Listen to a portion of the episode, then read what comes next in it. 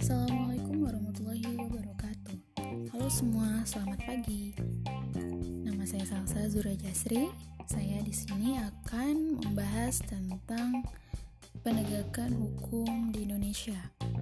Jadi untuk kali ini saya diberi tugas untuk membahas tiga kasus Lalu menemukan solusi dari kasus-kasus tersebut Oke, yang pertama saya akan membahas kasus Nenek Minah. Jadi pada 19 November 2009, Nenek Minah yang berumur 55 tahun dihukum oleh Pengadilan Negeri Purwokerto selama 1 bulan 15 hari penjara dengan masa percobaan 3 bulan. Nah, jadi Nenek Mina ini dinyatakan bersalah karena memati tiga buah kakao di perkebunan melek PT Rumpun Sari Antan atau PT RSA Aji Barang Banyumas. Selama persidangan dengan agenda putusan berlangsung penuh keharuan.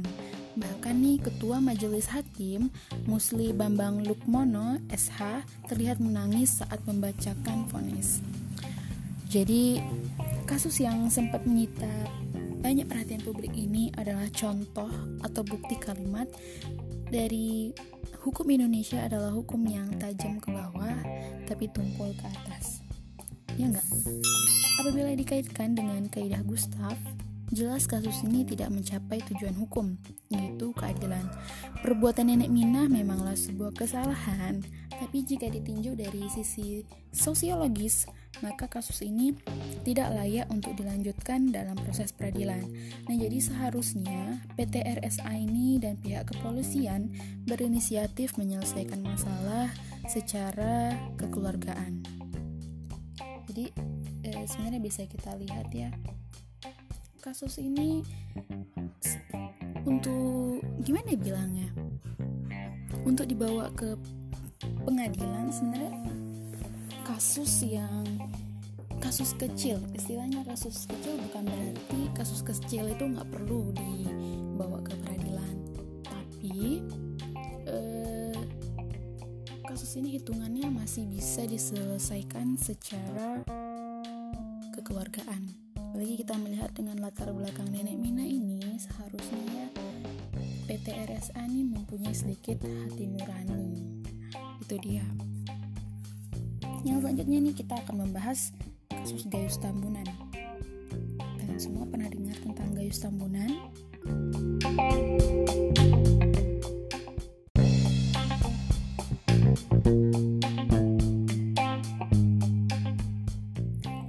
Disebut oleh mantan Kabar Eskrim Komjen Susnodu Aji, Gayus Tambunan memiliki uang sebesar 25 miliar dalam rekening pribadinya. Hal itu sangat mencuri perhatian karena apa? Karena si Gayus Tambunan ini hanyalah seorang PNS e, golongan 3A yang mempunyai gaji berkisar antara 1,6 sampai 1,9 juta rupiah saja. Nah, jadi ini nih kita bertanya-tanya. Mereka ini bertanya-tanya nih pihak pihak KPK nih.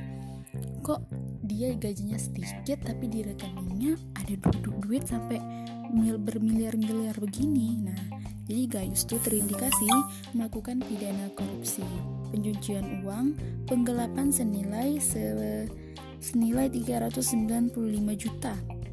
Tapi yang yang kontroversi yang menimbulkan kontroversi ini pada persidangan, ia hanya didakwa atas kasus penggelapan uang saja.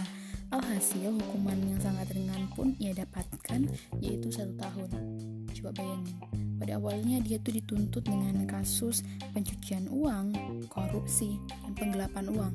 Tapi pada saat pemutusan kasasi, dia hanya dihukum eh, selama satu tahun atas kasus eh, penggelapan uang. harusnya eh, Gayus Tambunan ini bisa dihukum lebih lama lagi. Nah, kita, jika kita melihat atau membandingkan kasus Gayus Tambunan dengan kasus Nenek Minah, dapat kita lihat adanya perbedaan yang sangat menonjol nih, yaitu keadilan. Dua kasus ini jelas kasus yang sangat berbeda. Iya memang beda. Yang dilakukan Gayus Tambunan sebagai PNS atau aparat pemerintah adalah sebuah bentuk pengkhianatan kepada masyarakat yang mengharapkan kemakmuran. Seharusnya Gayus Tambunan tidak hanya dijerat kasus penggelapan saja, namun juga kasus korupsi. Tikus-tikus seperti Gayus Tambunan nih layak diberi hukuman berat karena tindakannya yang merugikan negara. Jadi seperti yang kita tahu, korupsi itu sangat sangat sangat merugikan negara kita. Utang negara kita ini udah banyak, eh aparat pemerintahnya malah korupsi. Yang terakhir nih, ada kasus nenek Asyani si pencuri kayu jati. Kronologinya begini. Asyani adalah seorang tukang pijat.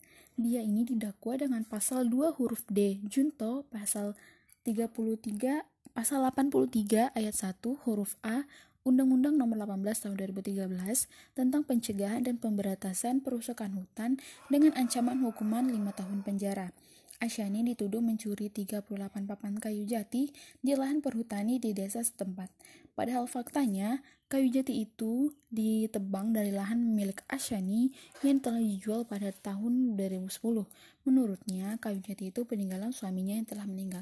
Sebenarnya kasusnya sepertinya ada sedikit kesalahpahaman atau mungkin ya kita nggak tahu, mungkin ada jebak menjebak atau wallahu alam. Kita nggak pernah tahu eh, kasus jadi kasus nenek Asyan ini adalah bentuk dari tidak tercapainya tujuan hukum sesuai kaidah Gustav tadi yaitu keadilan. Dari beberapa kasus-kasus yang ada, ketegasan dalam penegakan hukum merupakan kunci penting untuk mengatasi berbagai problem.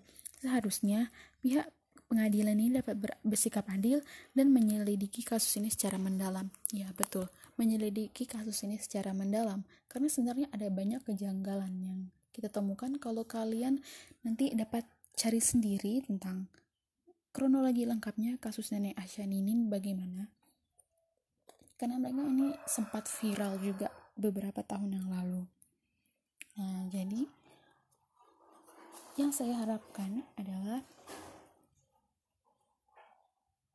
agar hukum di Indonesia ini dapat lebih adil lagi, tidak tajam ke bawah, tapi tumpul ke atas hukum ini kan dibuat bersifat memaksa tapi untuk memberikan keadilan untuk semua orang tanpa terkecuali tanpa pandang bulu.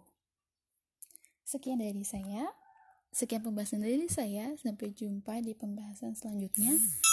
Wassalamualaikum warahmatullahi wabarakatuh.